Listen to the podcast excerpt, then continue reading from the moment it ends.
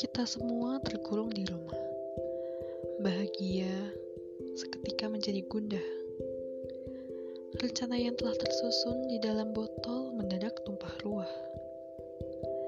Sedih rasanya sudah tidak berguna. Bahagia adalah cara terbaik untuk melewati ini.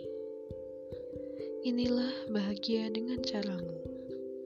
Bersama temukan cara untuk.